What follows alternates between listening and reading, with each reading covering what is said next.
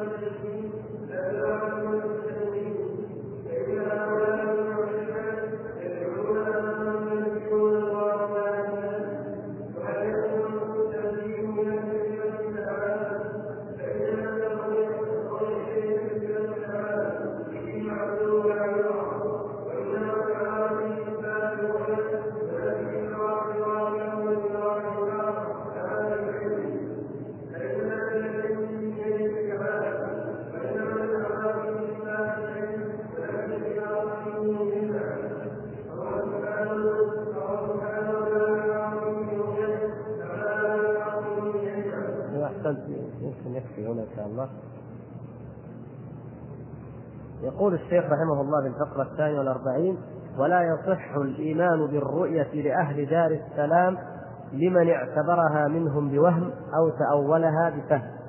إذ كان تأويل الرؤية وتأويل كل معنى يضاف إلى الرؤية بترك التأويل ولزوم التسليم وعليه دين المسلمين ومن لم يتوقع النفي والتشبيه زل ولم يصل التنزيه. كذا ها؟ وتأويل كل معنى يضاف إلى الربوبية.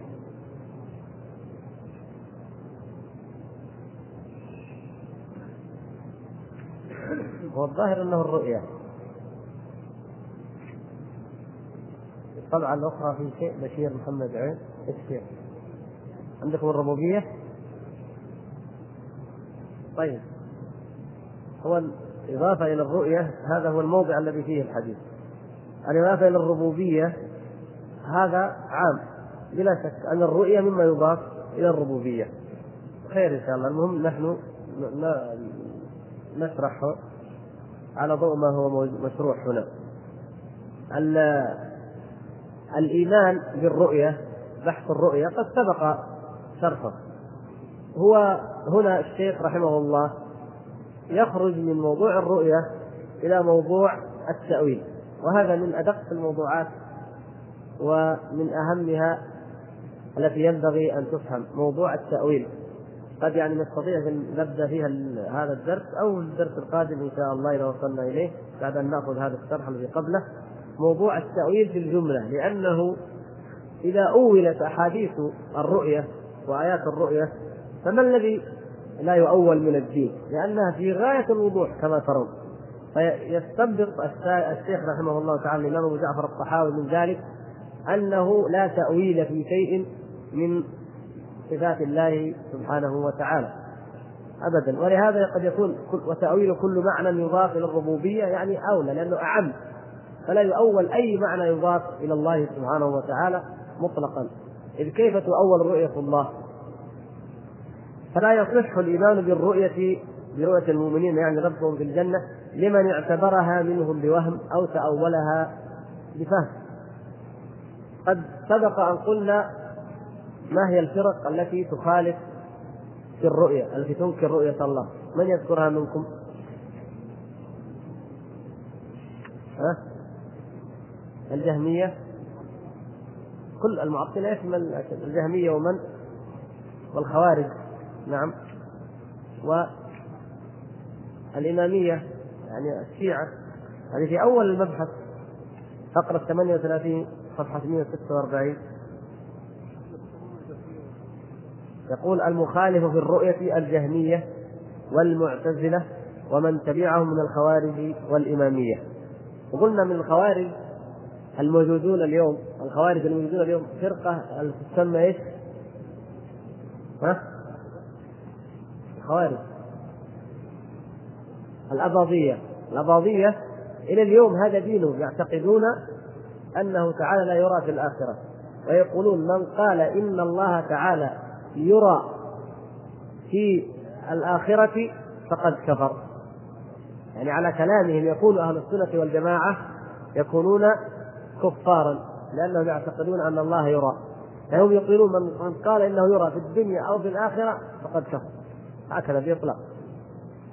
وكذلك الإمامية الذين هم يقال لهم الإمامية أو الاثنا عشرية وهؤلاء يسمى الشيعة أغلب الشيعة الذين يسمون جعفرية من الناحية الفقهية وهم أغلب الشيعة المعروفون اليوم والمعروفون قديما أيضا أغلب الشيعة غالبيتهم هم الإمامية ولهم فرق أخرى لكن الإمامية أو الاثنا عشرية أو الجعفرية هم غالبا إذا قيل الشيعة ينصرف إليهم.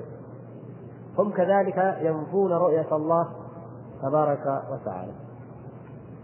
والكلام هنا كما قال الشيخ رد على المعتزلة ومن اتبعهم من المؤولة الذين يقولون نؤول رؤية الله. وجوه يومئذ ناظرة ناظرة إلى ربها ناظرة نؤولها. نؤول قول النبي صلى الله عليه وسلم فترون ربكم كما ترون هذا. في حديث صحيح قال القمر وفي حديث آخر أشار إلى الشمس أو قال كما ترون الشمس في حر الظهيرة. يريد أن يرد على من يؤول الرؤية فيقولون إن ترى أو أرى أو رأى رأى هذه علمية وليست بصرية. رأى قلبية أو علمية وليست بصرية. أو يقولون مثلا الأشعرية يقولون نثبت الرؤية لكن يتأولونها يؤولونها. كيف؟ يقولون إنه يرى من غير جهة ولا مقابلة. يعني ينكرون العلو وينكرون الرؤية في جهة يعني بحيث يكون المخلوق مثلا في جهة والله تعالى عال عليها. فلا يتصورون. يعني يقول لك هذا شيء من عقولنا لا لا تدركه. طيب هل نحن ندرك الجنة؟ هل نعرف نعيم الجنة أصلا حتى نتكلم عن رؤية الله في الجنة؟ هذا شيء لا يدرك. لكن كيف نمشي نقول من غير جهة، من غير مقابلة، بحيث يكون الله سبحانه وتعالى يطل عليهم من أعلى سبحانه وتعالى فيرون يقول لا ما يثبتون الجهة ولا العلو، فيثبتون رؤية هي أشبه ما تكون بالشيء المحال. أشبه ما تكون. لأن ما دام زي ما قلنا قال لهم المعتزلة قالوا من أثبت الرؤية من أثبت الرؤية ونفى الجهة فقد أضحك الناس على عقله. المعتزلة قالوا للأشعرية قالوا تثبتوا أنه يرى وتقول يرى في غير جهة. فقالوا هكذا. وسبق أن أوضحنا أنه الشيخ رحمه الله قال إن من أثبت الرؤية ونفى الجهة أقرب في العقل هذا قلنا أنه من جهة ما أقرب العقل ممن أنكر الرؤية وأنكر العلو. معا وهذا اللي قال له هنا قال إن العقل لو عرض على العقل موجود قائم بنفسه ولا يمكن رؤيته لحكم باستحالة ذلك. يعني هذا حتى من الناحية العقلية. المقصود أنهم أولوها وغيروها. حرفوا معناها بالأوهام وأولوها بالتأويلات الباطلة. الشيخ يقول الشارح رحمه الله يقول يشير الشيخ رحمه الله إلى الرد على المعتزلة ومن يقول بقولهم يعني من الفرق التي ذكرنا في نفي الرؤية وعلى من يشبه الله بشيء من مخلوقاته. فإن النبي صلى الله عليه وسلم قال إنكم ترون ربكم كما ترون القمر ليلة البدر. كما يقول الحديث أدخل كاف التشبيه على ماء ماء المصدرية أو الموصولة كلاهما يصح كما ترون ربكم كما ترون يقول ليش؟ ترون. التي تتأول يسمى مصدر منسجف أو مصدر مؤول من ماء يتركب من ماء. والفعل مصدر مثلا يقول الله تبارك وتعالى وأن تصوموا خير لكم وأن تصوموا. يتركب من أن والفعل مصدر وهو إيش؟ صيامكم يعني صيامكم خير لكم. فكما ترون المصدر هنا إيش؟ كرؤيتكم. ترون ربكم كرؤيتكم القمر. هذا كما ترون القمر أي كرؤيتكم القمر. فيتركب من من ماء مصدرية أو موصولية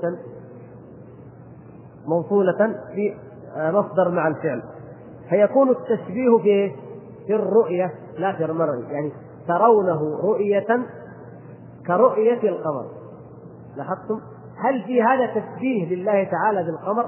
تعالى الله عن ذلك علوا كبيرا؟ لا يمكن. النبي صلى الله عليه وسلم اعرف الناس وأعلمهم بربه. وهم قالوا هذا الحديث يوهم التشبيه لابد أن نؤوله. ما في إيهام تشبيه ولا شيء. يقول ترون ربكم كما ترون. ترون كما ترون. التشبيه إيش؟ في الرؤية. فشبه الرؤية بالرؤية. ولم يشبه المرئي بالمرئي. ولكن هم الله تعالى أعمى أبصارهم عن هذا هذه الحقائق التي تتضح لمن يفهم لغة العرب وأسلوبها ولجأوا إلى التأويل الباطل. إذا يكون التشبيه في الرؤية لا في المرء. وهذا بيان بين واضح في أن المراد إثبات الرؤية وتحقيقها ودفع الاحتمالات عنها، لأن النبي صلى الله عليه وسلم في الرواية الأخرى لما أشار إليه دار الخبر شيء لا يمكن أن يقال الأول أو أو في احتمال؟ يشير إلى هذا المخلوق العظيم الواضح في في, في ليلة البدر ويقول كما ترونه ترون ربكم كما ترون هذا لا تضارون أو لا تضامون في رؤيته. وفي الحديث الآخر الذي هنا يقول إيش؟ كما ترون الشمس في حر الظهيرة ليس أو في الظهيرة ليس دونها سحاب. هذا لا يمكن هذا من أوضح البيان الذي لا يمكن أن يتطرق إليه أي احتمال ابدا وإذا أولنا مثل هذا فما الذي لا يؤول؟ فيقول فإذا سلط التأويل على مثل هذا النص كيف يستدل بنص من النصوص؟ ما هو النص الذي الذي يمكن أن نقول إنه صريح قطعي لا يحتمل التأويل ولا يحتمل أي احتمال آخر وهل يحتمل هذا النص أن يكون معناه إنكم تعلمون. يقولون هذه الرؤيا رأى علمية رأى قلبية. هل يحتمل أن يقول إنكم تعلمون ربكم كما تعلمون القمر ليلة البدر؟ هذا هذا يقول هو يعني إنسان عربي يجيد اللغة العربية فضلا عن عن رسول الله صلى الله عليه وسلم. أعلم الناس بربه وافصح العرب لا يمكن. يقول ويستشهد بهذا الذي يفعل هذا القول يستشهد له بقوله تعالى ألم ترى كيف فعل ربك بأصحاب الفيل؟ ونحو ذلك مما استعمل فيه رأى التي من أفعال القلوب. يقول هذا ترون ربكم. كما ترون القمر لا يرى بالعين لا يرى بالبصر. الله سبحانه وتعالى ليست رؤية حقيقية وإنما هي بالقلب. مثل ما يقول ألم ترى كيف فعل ربك بأصحاب الفيل؟ والنبي صلى الله عليه وسلم ولد في عام الفيل. هو ما يعني ما رأى الفيل ما رأى كيف انما بقلبه ألم ترى. ما ألم ترى أن الله يعلم ما في السماوات وما في الأرض. يعني بقلبك ألم تعلم بذلك؟ هذا هو. فيقولون هذا علم وليس رؤية حقيقية. هذا من أفضل الباطل في مثل هذه النصوص الواضحة. فإن رأى نعم رأى تأتي لعدة ثلاثة المعاني. رأى تأتي بصرية وتأتي قلبية وتأتي للرؤية رأى بمعنى أيضا في المنام هذه تأتي رأى تأتي هذه الثلاثة الاحتمالات. إذا قلنا مثلا كما في البيت الشعر المشهور يقول رأيت الله أكبر كل شيء محاولة وأكثرهم جنودا. مثلا رأيت الله أكبر كل شيء. هذه بلا شك أنها رؤية رأى علمية أو قلبية. إذا قلت مثلا آه، زرت فلان فرأيته عالما أو رأيته رأيته ذا فضل وعلم وحكمة بمعنى إيش؟ علمته. ليس المقصود مجرد الرؤية البصرية. فهذه معناها واضح رأى التي تكون آه، قلبية معناها واضح في لغة العرب. لا يلتبس وهي التي تنصب مفعولين. هي تنصب إيش؟ مفعولين. كما في هذا البيت. رأيت الله لفظ الجلالة مفعول أول أكبر مفعول ثاني. رأيت زيدا عالما يعني علمته إيش؟ عالما أو وجدته عالما. فزيدا مفعول اول وعالما مفعول ثاني وهكذا. رأى البصرية تنصب مفعولا واحدا. تقول رأيت زيدا. إيش معنى رأيت زيدا؟ يعني شفته بعيني. رأيت زيدا فاضلا أو عالما معناته شيء علمية أو قلبية. الرأى التي المنامية أو رأى الحلم هي التي تأتي طبعا قرينة واضحة في السياق أنه حلم. يعني لو قلت أنا رأيت زيدا تفهم منه أني حلمت في المنام وشفته؟ ما تفهم. ما قلت لك قلت رأيت زيدا. لكن لو قلت لك رأيته في المنام أيوه تفهم. فمثلا لما يعني في القرآن قال إبراهيم عليه السلام لابن إسماعيل إني أرى في المنام أني أذبحك. تفضل. مثلا يوسف عليه السلام ماذا قال؟ لأبي إني رأيت أحد عشر كوكبا والشمس والقمر رأيتهم لي ساجدين. ماذا قال له أبوه؟ يا بني لا تقصف رؤياك على إخوتك. هو معنى هذا أنه إيش؟ قال له أنا رأيت ذلك في المنام. فقال لا تقصص رؤيا في الأخير قال ذلك قال تأويل رؤيا هذا تأويل رؤياك. تأويل الرؤيا. وعلمه الله تعالى تأويل الأحلام كما تعلمون لما جاء الملك وبعد أن قالوا وما نحن بتأويل الأحلام بعالمين. المقصود أن رأى هذه بثلاثة المعاني لا تستدر. طيب جاء واحد وقال كلام واحترنا ما ندري هو قصده رأى القلبية. ولا رأى البصرية ولا رأى المنامية؟ يكون هذا من إيه؟ من ضعف تعبيره من عجزه من عيه وليس هذا من فصاحته وبلاغته. أو يكون هو متعمد يجيب لنا لغز لغز نشوف إحنا نعرف هو شافه هنا ولا رآه هنا ولا كذا يعني هذا هذه هذه الاحتمالات التي لا ترد في أي حال من الأحوال في كلام الله ولا في كلام رسوله صلى الله عليه وسلم. يقول ولا شك أن ترى تارة تكون بصرية وتارة تكون قلبية وتارة تكون من رؤيا الحلم وغير ذلك ولكن لا يخلو لا يخلو يعني لا يخلو الكلام من قرينة تخلص أحد معانيه من الباقي. لا بد من قرينة تبين وتفرز هذا المعنى من المعاني الأخرى. وإلا لو أخلى المتكلم كلامه من القرينة المخلصة لأحد المعاني الثلاثة هذه يعني لكان مجملا ملغزا لا مبينا موضحا. أما كلام الله ورسوله صلى الله عليه وسلم كلام الله ورسوله فانظروا الحديث. يقول وأي بيان وقرينة فوق قوله ترون ربكم كما ترون الشمس في الظهيرة ليس دونها سحاب. هذا في المنام؟ هذا بالقلب؟ لا يمكن لأنه قرينة واضحة جدا. ومن أول ذلك فإنه هو يحكم على عقله بالضعف والفساد. فهل مثل هذا مما يتعلق يتعلق برؤية البصر أو برؤية القلب؟ وهل يخفى مثل هذا إلا على من أعمى الله قلبه؟ نسأل الله العافية. فإنها لا تعمى الأبصار ولكن تعمى القلوب التي في الصدور. فإذا عميت القلوب فإنها تعمى عن الأدلة الواضحة الجلية. ولا حيلة في من عمي قلبه. إيش الحيلة فيه؟ إذا عمي قلبه عن أمثال هذه النصوص ما الحيلة؟ كيف نبصره؟ هل نهدي نحن نستطيع أن نهدي من أضل من, من أضل الله؟ من يهدي من أضل الله؟ لا أحد هؤلاء علينا أن نقيم عليهم الحجة وأما هدايتهم وبصيرة قلوبهم فهي على الله سبحانه وتعالى متى ما أراد ومتى ما شاء من بها عليهم وإلا تركهم في ضلالهم يعمهون يقول فإن قالوا ألجأنا آه قرينة. إيش القرينة؟ قالوا هنا قرينة عقلية. مضطرين. مضطرين نأول كلام الله وكلام رسوله. ليش؟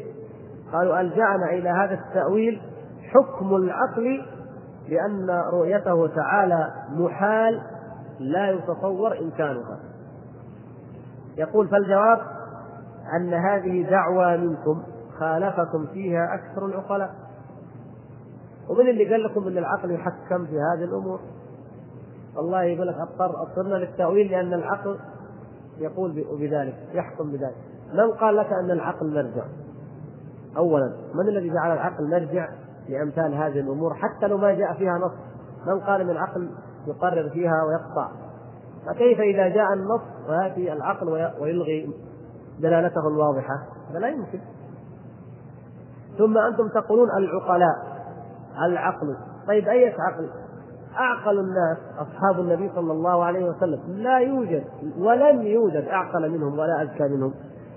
سمعوا هذا الكلام منه صلى الله عليه وسلم. فكانوا يشتاقون إلى رؤية الله سبحانه وتعالى وآمنوا برؤيته. حتى قال عبد الله بن مسعود وهذا مما له حكم المرفوع قال إن منازل الناس من رؤية الله تبارك وتعالى في الجنة كمنزلتهم منه في في الحضور إلى صلاة إيش؟ الجمعة، نعم. فمن فمن يبكر إلى صلاة الجمعة في الصف الأول فإنه يكون يوم القيامة رؤيته لله تبارك وتعالى في في المقدم في مقدمة من يرى الله سبحانه وتعالى. الصحابة رضي الله تعالى عنهم كانوا يفهمون هذا المعنى وكانوا يحثون هذا الذي روي عن ابن مسعود أيضا روي عن غيره كانوا يحثون التابعين تلاميذهم على المبادرة والتبكير إلى صلاة الجمعة مرغبين إياهم بهذا الأمر لأنكم ترون ربكم بمقدار ما تبكرون وتسبقون إلى صلاة الجمعة فيكون الناس صفوفا برؤية الله تعالى وأقربهم أو وأدناهم منه منزلة أقربهم من الإمام في يوم الجمعة فكان هذا هذا الذي فهمه الصحابة رضي الله تعالى عنهم وربوا عليه من بعدهم فتقول العقل يمنع عقل من؟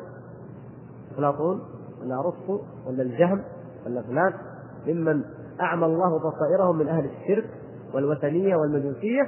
لا العقل الحقيقي والفهم الحقيقي والعقلاء الحقيقيون لا ينفون ذلك بل يقول ليس في العقل ما يحيلها بل لو عرض على العقل لو نظرنا نظرة عقلية مجردة لو عرض على العقل موجود قائم بنفسه موجود وقائم بنفسه وهو تعالى أعظم الموجودات ولا يمكن رؤيته لقال العقل إن هذا محال. ما الذي جعل رؤيته مستحيلة؟ وهو موجود قائم بنفسه. لماذا؟ العقل السليم النقي. لا يقول بذلك ولا يحكم به بل يستغرب ويتعجب كيف يكون موجود وهو من أعظم أعظم الموجودات وأكثر هذه الموجودات بما لا يدانى سبحانه وتعالى عن ذلك علوا كبيرا في حقيقة الوجود.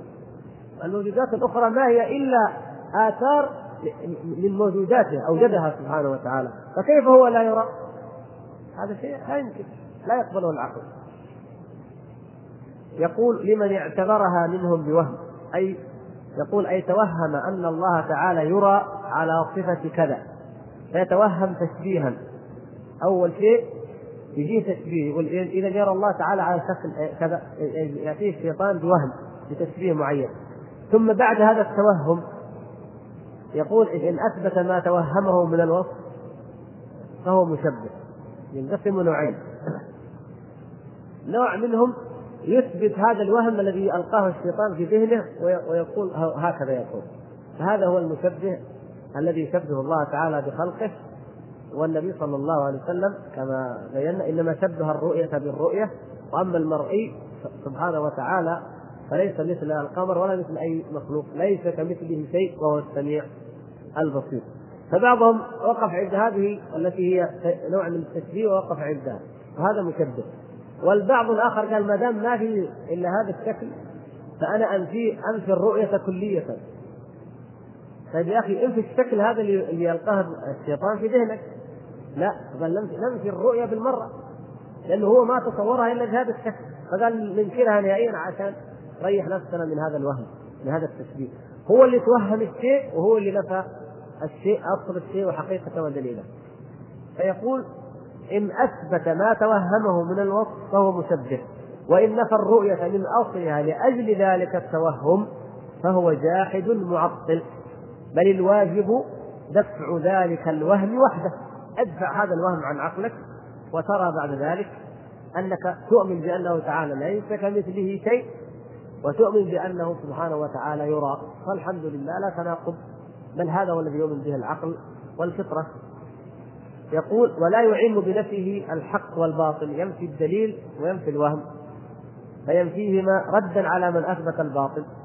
هذاك أثبت الباطل وهذا جاء نفى الحق ونفى معه الباطل. لا. الصحيح الواجب هو إيش؟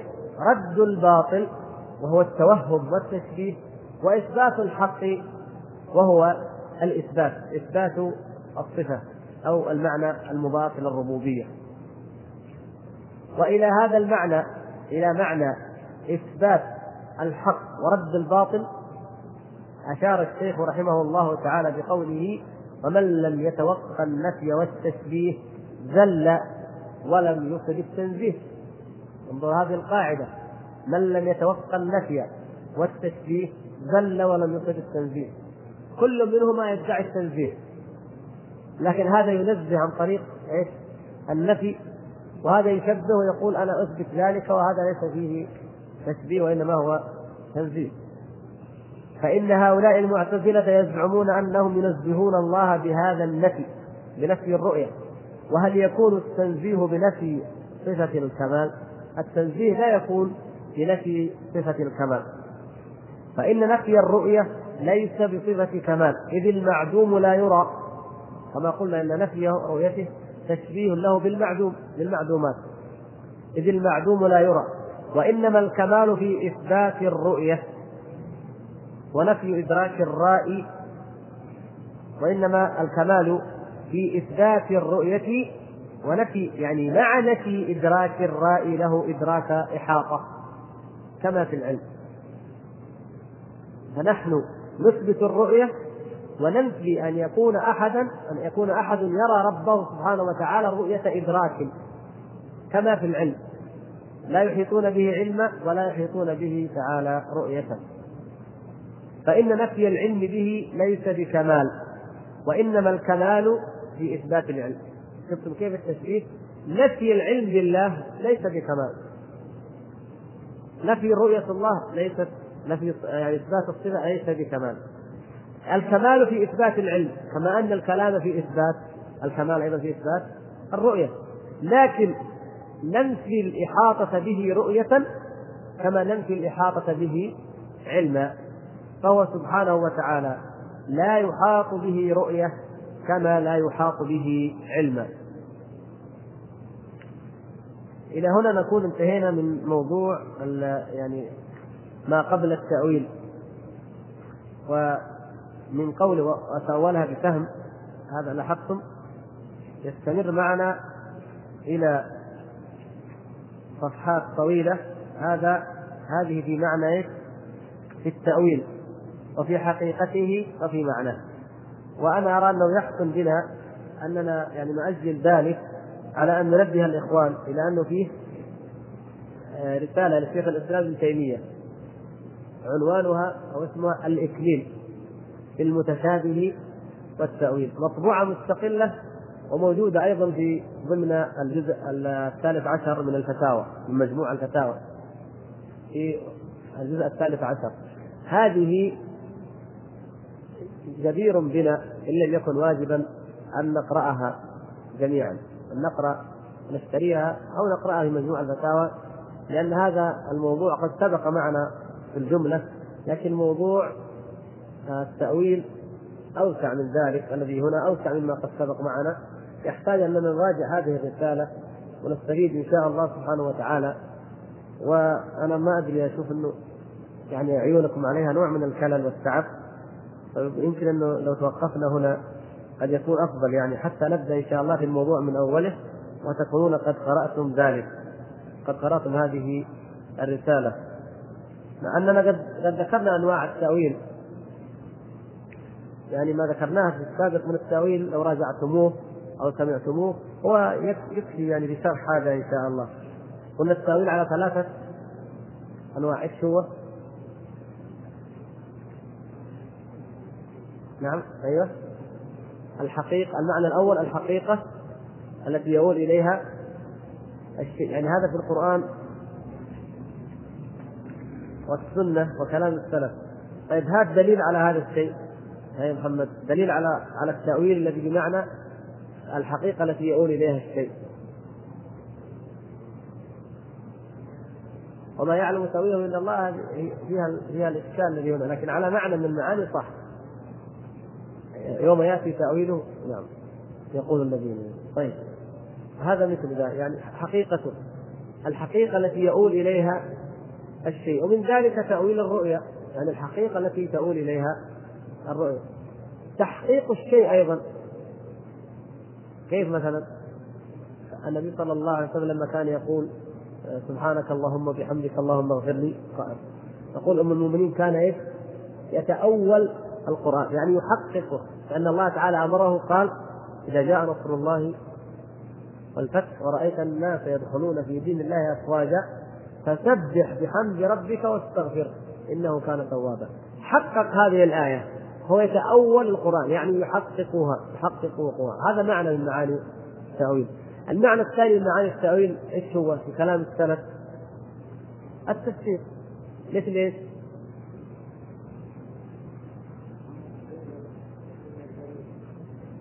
على المعنى الآخر من في آية تأويله. نعم. مثل ما يقول علماء السلف تأويل هذه الآية. لذلك يقولون إيش؟ التأويل آه، تأويل هذه الآية. تأويل كذا. في تفسير مثلا ابن جرير الطبري. كثير جدا. تأويلها يعني إيش؟ تفسيرها معناها. وهذين المعنيين في هذه الآية التي في آية آل عمران إن شاء الله التي سوف نأخذها شرحها. والمعنى الثالث أو المعنى الجذعي سواء كان ثالثا أو رابعا هو إيش؟ أيوه. إلى معنى آخر. يعني صرف اللفظ عن ظاهره أو عن معناه الراجح إلى المعنى المرجوح أو إلى غير ظاهره لقرينة. هذا هو المعنى الذي يقوله المتاخرون وقلنا برضو إن التأويل درجات. الفرق في التأويل إيش؟ درجات. فرقة اولت الحلال والحرام والأسماء والصفات وهذه فرقة إيش؟ ها؟ الباطنية. الباطنية أول الحلال والحرام مثل إيش تأويلات الحلال والحرام؟ الصيام يأولوه بإيش؟ الباطنية. الصيام إمساك الأسرار. الصلوات الخمس إيش هي؟ فاطمة وحسن وحسين وعلي إلى آخر. هذا أول الآيات يعني الأحكام وأول الأسماء والصفات. ومنهم من قصر التأويل على الأسماء والصفات مثل نفاة الصفات. يعني إن شاء الله عندكم بقايا لكن أنا أشوف كانه طول الوقت يعني ما أدري لأننا نبدأ من خمسة إلى ستة ونص ساعة ونصف مثلا أو سنه يعني في تعب فإن شاء الله نؤجل موضوع التأويل حتى نقرأ وحتى إن شاء الله يكون لدينا آه، يعني استعداد لسماعه. نعم. الإكليل الإكليل في المتشابه والتأويل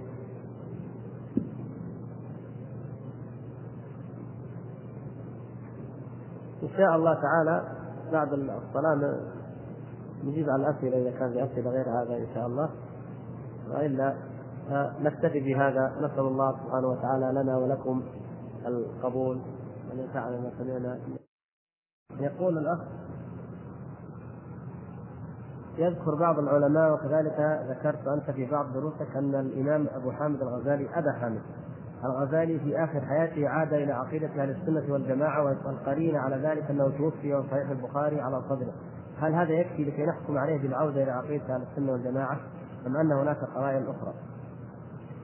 هو الذي أنا قلته إن كنت قلت غيره قد أكون مخطئ أن أبو حامد أن أبا حامد الغزالي عاد إلى الطريق الصحيح ولا عاد إلى الطريق الصحيح يعني بدأ هو قال تركت هوى ليلى وسعد بمعزلي وعدت إلى تصحيح أول منزلي لما ترك النظامية وذهب إلى مذهب التصوف. فقلنا لا الصحيح أن هذا الأبيات يكون قالها متى؟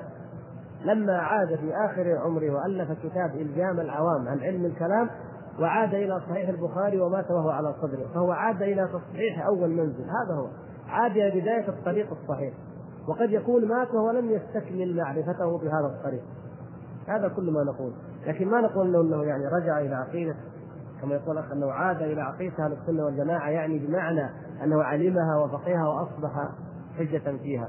عاد إليها يعني عاد إلى طريقها إلى الطريق الذي يوصل إليها. وقد يكون الله أعلم كم أخذ من كم بلغ في هذا الطريق من المبلغ. هذا بالنسبة للذي يقوله أنا. إن كان يعني بعض يعني غيري قال شيء آخر فلا أعلم ماذا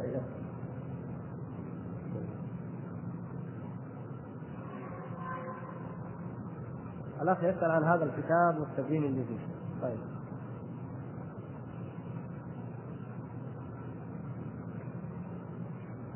أيوه. بالنسبة للكتاب هذا تشوف طبعا. رسائل هامة في الصلاة. طبعا موضوع الصلاة ما في نقاش في أهميته. وأن يجب أن نحث أنفسنا وإخواننا ومجتمعنا عليه.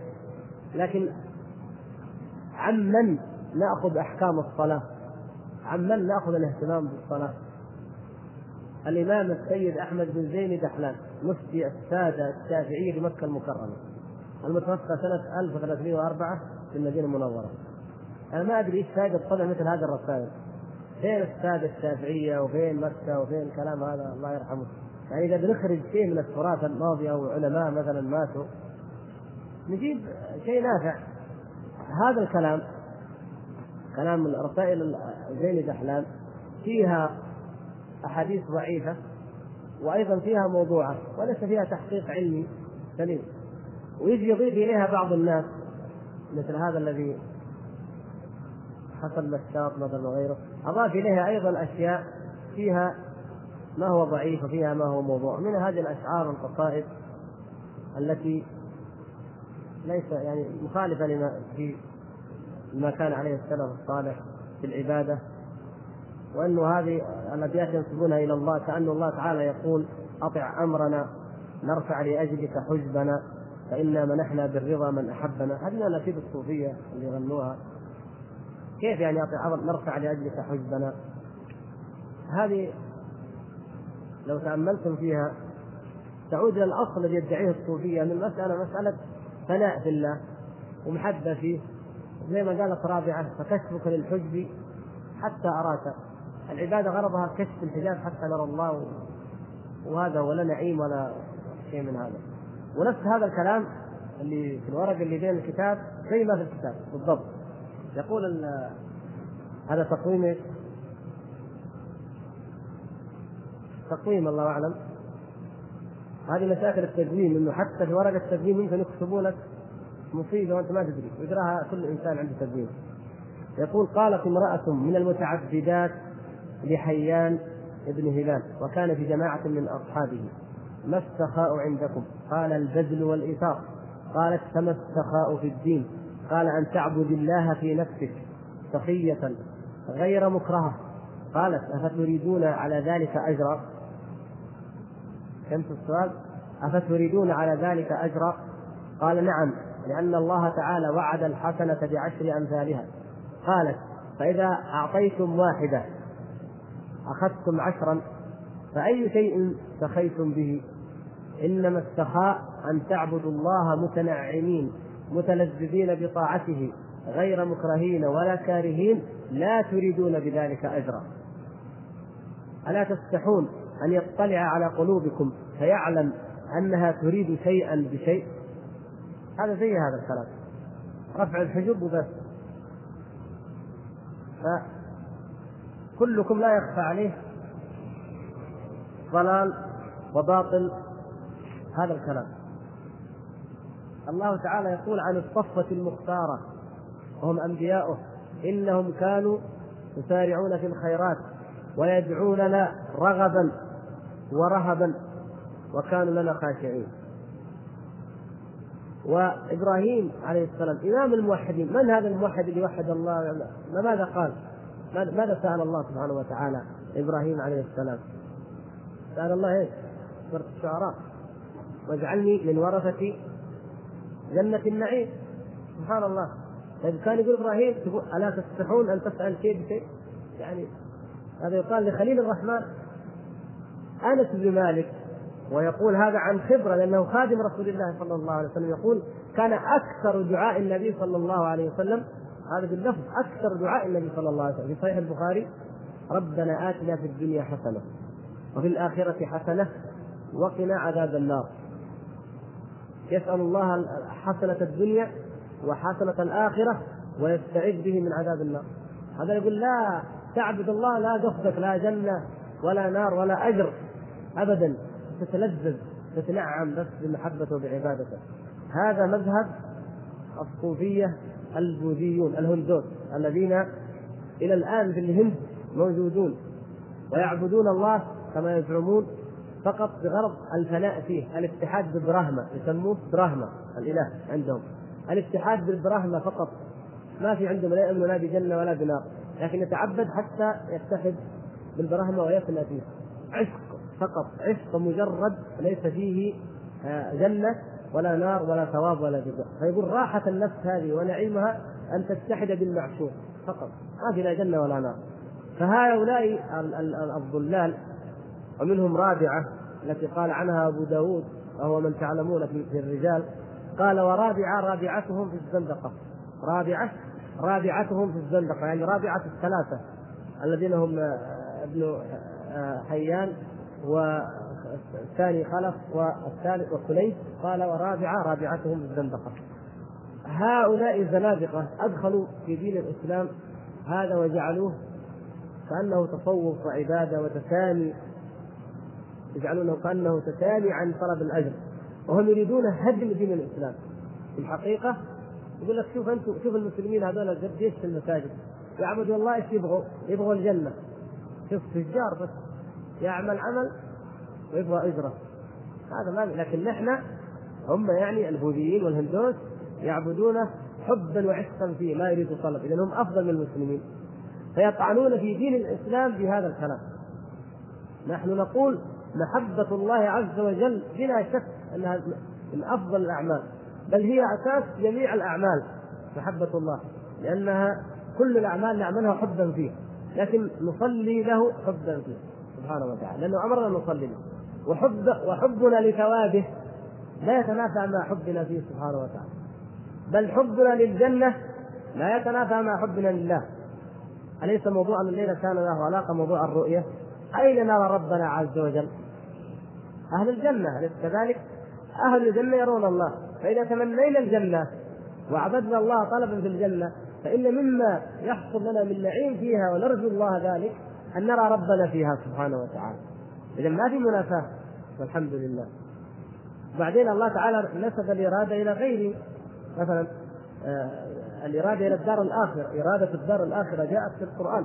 منكم من يريد الدنيا ومنكم من يريد الآخرة. من كان يريد الآخرة فالإرادة جاءت الوصول إلى الآخرة. فكيف تقول تريدون غير الله؟ تطلبون غير الله؟ الآخرة هي هي النعيم نعيم الجنة. السلام من الفوز من عذاب الله عز وجل. فما دام جاءت في كتاب الله في سنة رسول الله ذكرها الله عن عن الأنبياء ذكرها الله عن أفضل الناس وهم خليلا الرحمن محمد وإبراهيم صلى الله وسلم عليهم وكل ذلك جاء فلا يجوز أن ننظر إلى ما يقول هؤلاء أصحاب البدعة والضلال ونترك ما كان عليه أنبياء الله سبحانه وتعالى. هذه من أسباب الضلال والانحراف عافانا الله وإياكم من ذلك.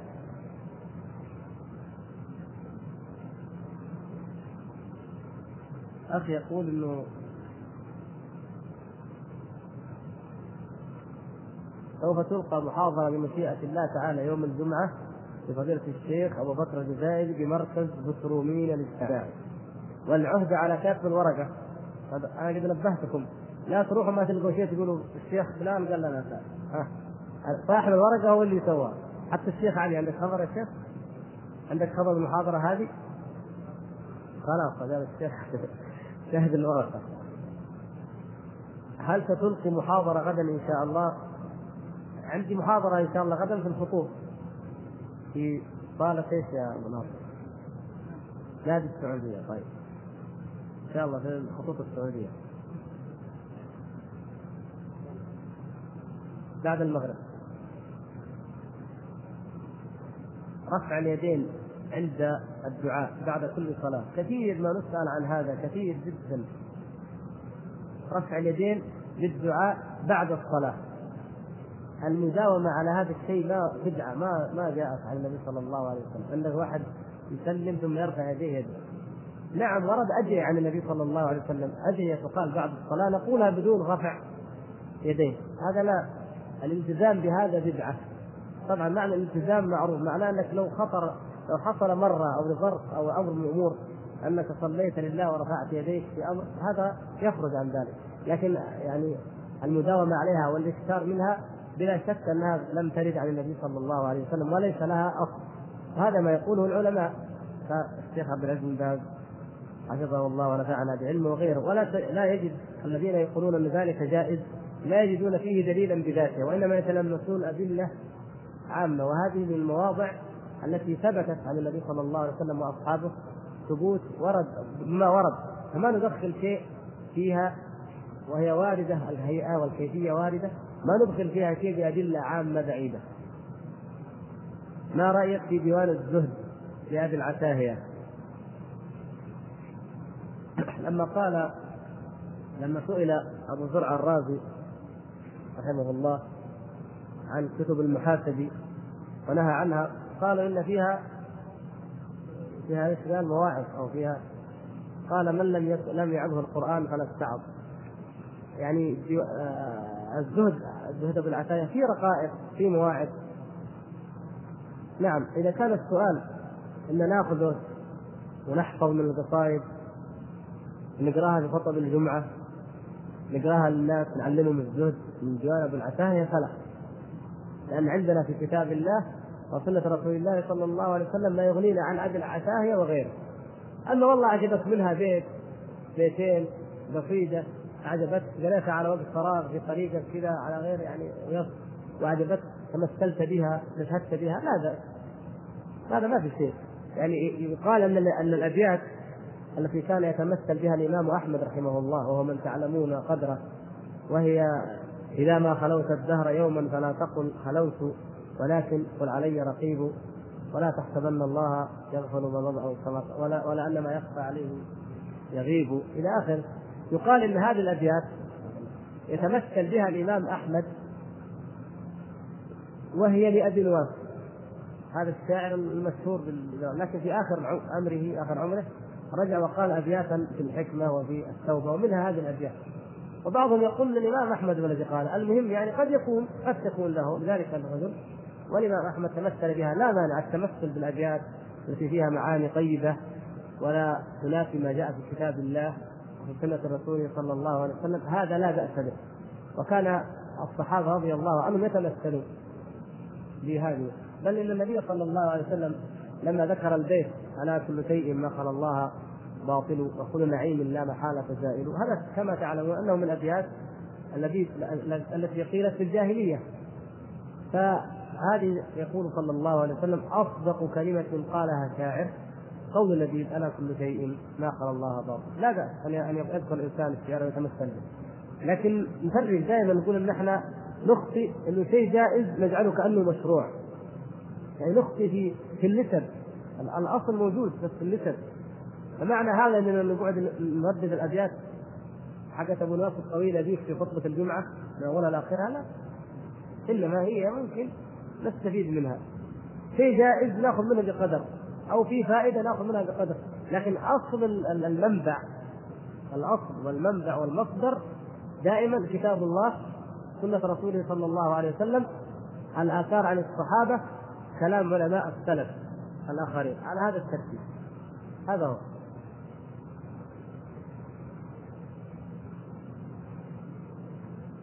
وبعدين الأخ يقول هل رفع اليدين في الدعاء طيب؟ قلنا هذه.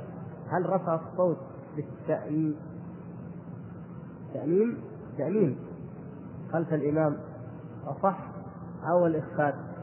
يعني الذي أعرفه أن الأصح هو رفع الصوت في التأمين هل المحراب بدعة؟ يجب علينا أن نعرف ما هي البدعة. ونعرف تعريفها. وأن نفرق بين البدعة وبين المصلحة المرسلة. عندنا شيء اسمه بدعة. هذه معلوم أن كل بدعة ضلالة. وعندنا شيء اسمه المصلحة المرسلة التي لم ينص الشارع عليها بعينها ولكن الشارع دل في الجملة دل عليها في الجملة. أمرنا الله أن نحفظ كتابا أمرنا الله عز وجل أن نهتم بالقرآن أن نقرأ وأن نحفظ وأن نهتم به نتعلمه. طيب. وضعت النقط الحروف المعجم وضعت الآيات فواصل أرقام وضعت أشياء. ما كانت في عهد الصحابة نقول هذه بدعة لا. هذه تسمى إيش؟ مصلحة مرسلة. يعني تحقق ما أراد الشارع. تحقق ما أراد الشارع. الكلام يطول. نختصر هذا مثلا. نقول موضوع المحراب هل يحقق هل للشارع مراد فيه ولا لا؟ أنا جيت جدة. فلا يمكن في مكة واضح جدا. في مكة ما يمكن تعرف القبلة إلا بالمحاريب. صح ولا لا؟ لو دخلت أي مسجد في مكة ما تدري.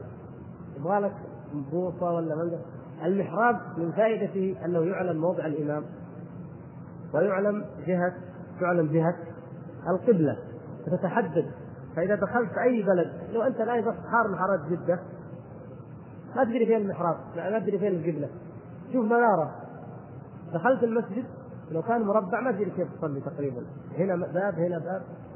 لكن تشوف المحراب تتجه نحوه. ألا ترون أن هذا يحقق مصلحة عظيمة جدا؟ أنه يكفينا أنه لجنة.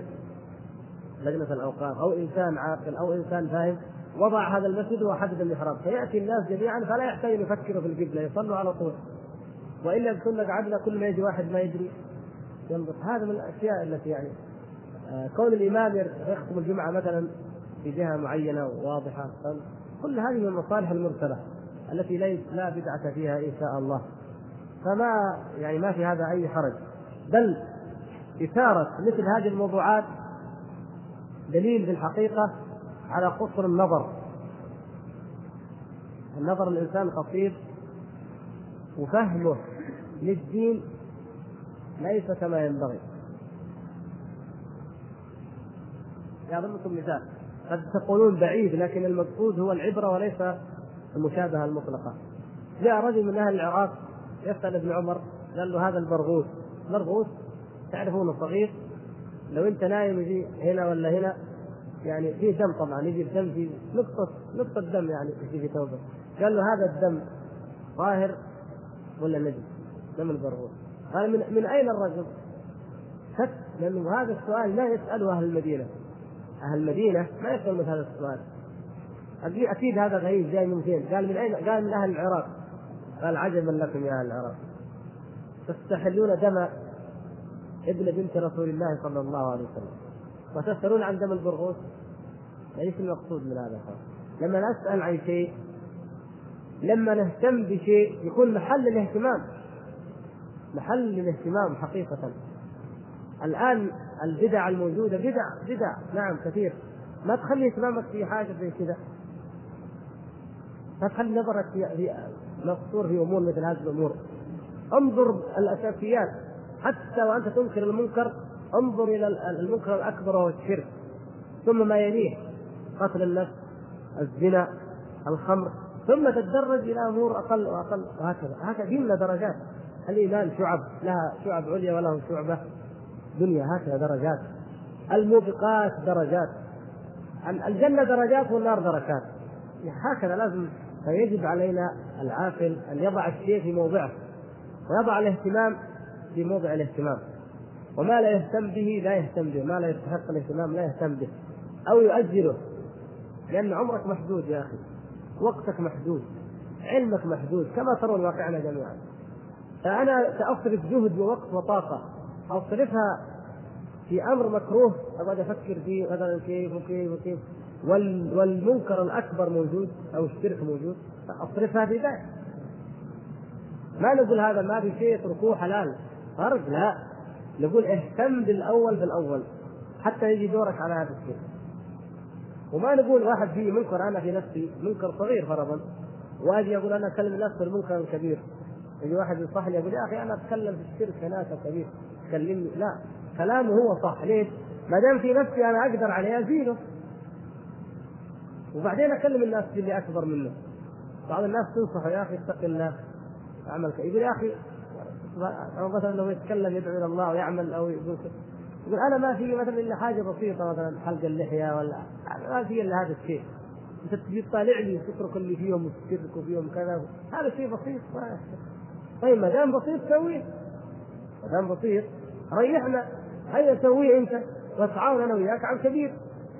ففرق يعني العاقل يضع الأمور دائما في مواضعها.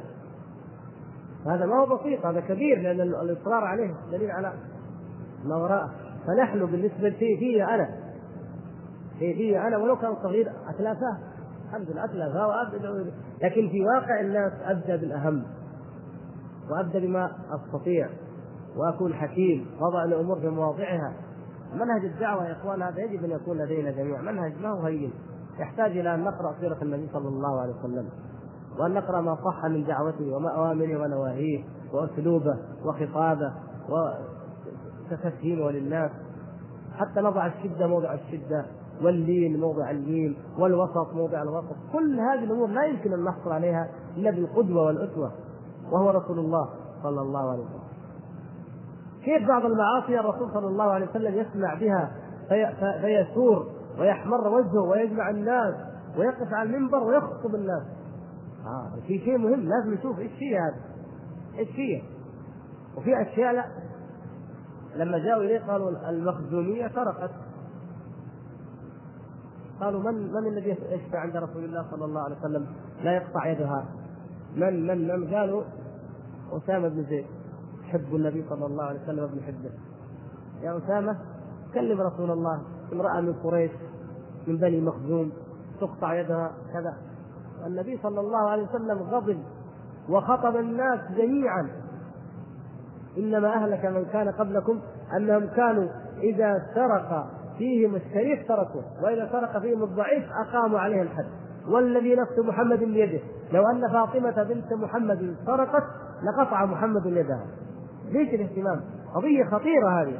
لما تدخل الشفاعات والوصفات في حدود الله قضية خطيرة جدا. لازم نهتم. لكن أعرابي جاء قال في المسجد. ثاروا عليه الصحابة. النبي صلى الله عليه وسلم لا لا لا تجرموه تركوه لما قضى بوله وانتهى قال له خذوا ماء صبوا عليه. بعدين تعال علموه. شوفوا كيف هذه عملها بالهدوء هذه عملها بكذا. ليش؟ هو الرسول صلى الله عليه وسلم يضع الأمور في مواضعها الصحيحة. يعرف هذا من قضيته فردية. لما هجموا عليه ما عاد يفعلها خلاص عرف إنها مصيبة ولا عاد يكررها. وذوبه جاي جديد ويتعلم وكذا وكذا وكذا. لكن هذيك خطيرة. اتفقوا ناس من الصحابة عليها وكلموا واحد صحابي له قيمه وجاي يكلم النبي صلى الله عليه وسلم. خطيرة جدا هذه. ما ما ينبغي السكوت عليها وهكذا. فنحن بالعكس أحيانا واحد يقول يا أخي والله ما في شيء. توسط في شيء يعني ما تفضل للخير وكذا. ولو جانا في هذا الأعرابي يمكن نبصر يمكن لا لازم لازم نضع الأمر يعني كل شيء في موضعه الصحيح. ولن يكون لنا هذا إلا بكثرة قراءة سيرة النبي صلى الله عليه وسلم وحياته وأوامره ونواهيه مع قراءة القرآن وقص الأنبياء. لأن هذا الذي يعطينا منهج الدعوة الصحيح والحكمة الحقيقية التي هي وضع الشيء في موضعه. قول صدق الله العظيم بعد قراءة القرآن. إذا كنت كلما قريت صدق الله العظيم كلما سمعت واحد يقرأ صدق الله العظيم هكذا. هذه بدعة. الالتزام المداومة بدعة لكن سمعت واحد يقرأ آية قلت صدق الله. ما في شيء. يعني أنت فرق دائما نفرق بين الالتزام بشيء وبين أن تقوله مرة عرضا كذا. وما هو واحد اذا تمسك وتقول أنت ابتدعت لانك سمعت مرة كذا قال لا. إنما المداوم عليها تنصح وتقول يا أخي لا لا تجعل هذه كلما قريت تقول صدق الله العظيم. نعم صدق الله بلا شك. والله تعالى قالها في القرآن قل صدق الله فاتبعوا ملة إبراهيم حنيفا. لكن ما معناها أنك تقولها بعد كل قراءة؟ إنما سمعت أمر من أمور أو آية تليت أو حكم أو كذا يعني من كتاب الله وتعجبت منه وافق يعني موضع من المواضع التي أنت تريد الاستشهاد بها أو شيء بنفسك. فقلت صدق الله العظيم. قال كذا وهذا واقع كذا. لا لا شيء في ذلك. هذا يعني قد يكون أيضا حسن. يقول الأخ شوف هذا قبل.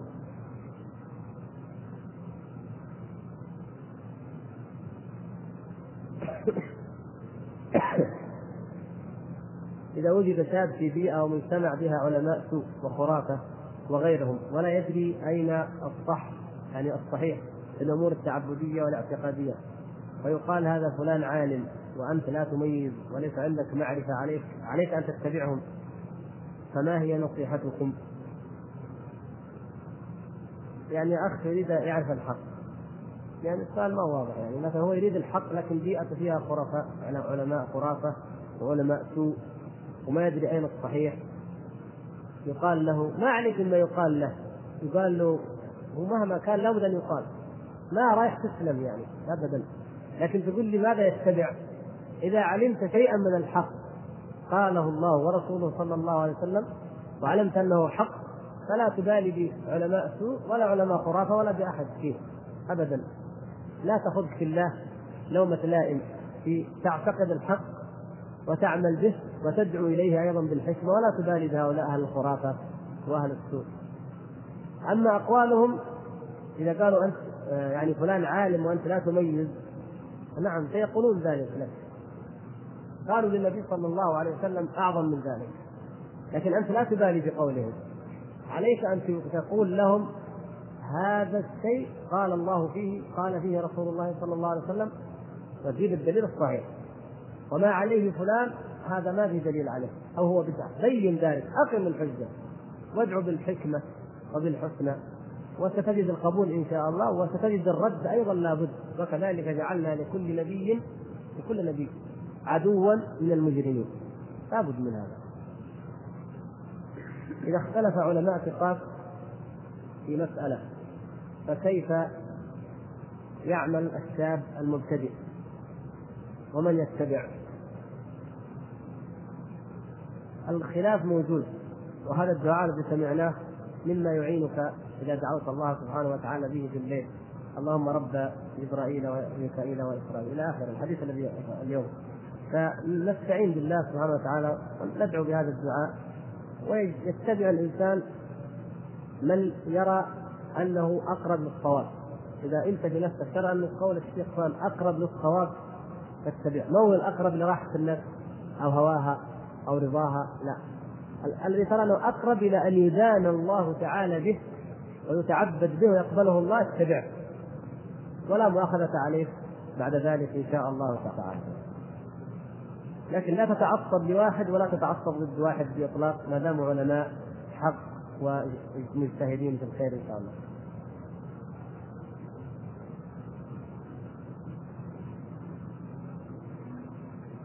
نرى كثيرا يقبلون القرآن الكريم. هل هذا جائز؟ أفيدونا جزاكم الله خيرا.